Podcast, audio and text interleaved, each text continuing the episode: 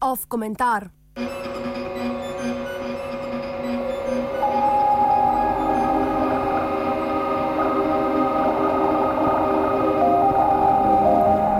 Evropske subvencije proti hrani.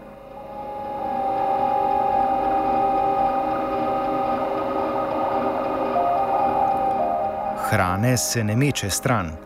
Rek, ki smo ga z vzgojo po večini do dobra ponotranili, ni pa ga ponotranila Evropska komisija. Tako smo konec avgusta kot odgovor na ruski embargo na uvoz hrane iz držav, ki so proti Rusiji sprejele ekonomske sankcije, dobili ukrepe za zaščito prehrambenega trga, ki so predvidevali subvencije za zeleno obiranje in opustitev pridelka. Na prvo mesto ukrepov so seveda predlagali brezplačno razdeljevanje hrane dobrodelnim organizacijam, da je vsa stvar izpadla lepo in pomirjujoče, a tudi ta plemeniti ukrep je predvideval razdelitev zgolj petih odstotkov presežka hrane.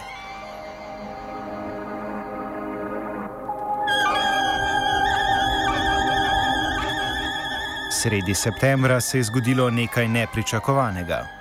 Evropski komisar za kmetijstvo Dačjan Čološ je preklical svoje nujne ukrepe za stabilizacijo trga in napovedal, da bo komisija podrobneje spremljala in analizirala posamezne kmetijske sektorje in pomagala z direktno pomočjo. Kaj je botrovalo Orvelovskemu preklicu ukrepov, lahko zgolj ugibamo. Evropskemu komisarju namreč ni potrebno ničesar pojasnjevati, vsaj ne širši javnosti. Je na ministrstvu resnice uradnik, ki je usposobljen v Novoreku, dobil v roke listek z navodilom, naj popravi to in to objavo?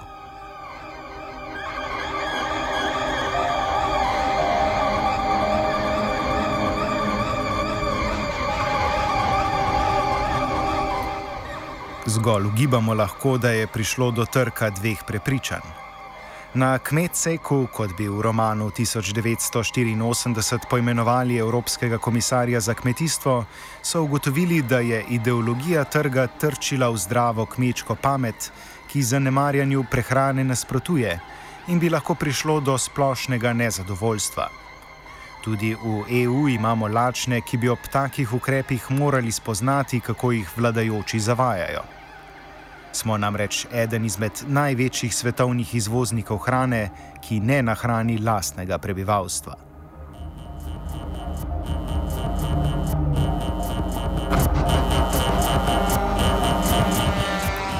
Problem leži tudi v tem, da take odločitve evropskih kravatarjev, ponižanih in razžaljenih, sploh ne dosežejo. Ujeti so v ciklično dirko za ameriškimi sanjami, v večni lov in upanje na boljše življenje, v tem početju pa so povsem individualizirani in posledično brez politične moči. Odtujeni so od politike. Komentatorja, na primer, ni nihče nič vprašal niti o ekonomskih sankcijah proti Rusiji, niti o ukrepih za zaščito evropskega trga.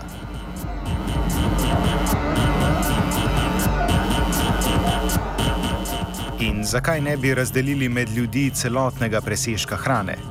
Ali pa manjši namik? V begunskih taboriščih v Turčiji je preko 2 milijona ljudi, v Ukrajini je več kot milijon izseljenih, zlahka pa se našteje še več kriznih žarišč, kjer bi se hrano dalo porabiti, če je, je za prebivalce Evropske unije preveč.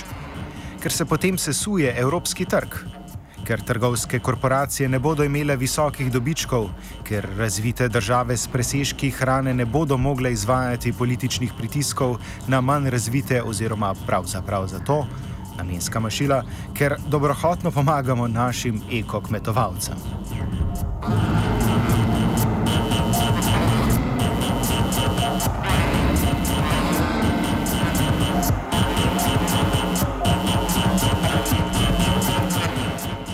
Vsemu je preklic ukrepov, nas preklic ukrepov ne sme preslepiti. Čološ je ob umiku na ukrepov sicer napovedal, da se bo različnim organizacijam namenilo 10 odstotkov neizvožene hrane, a zeleno obiranje in opustitev pridelka na ravni celotne Evropske unije sta se zgolj prenesla na raven posamezne članice. Ukrepe so prav lepo prepakirali.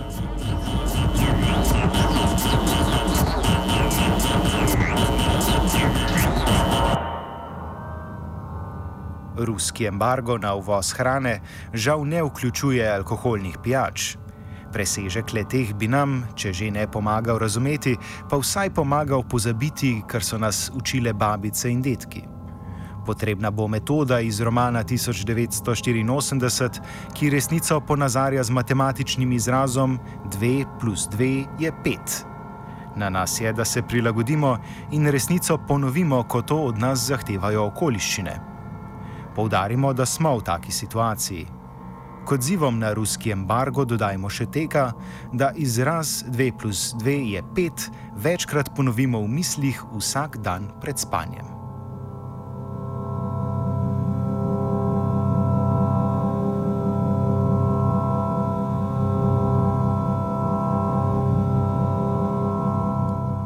Da se hrane še vedno ne meče proč, razen za zaščito trga, je ugotavljal noveli.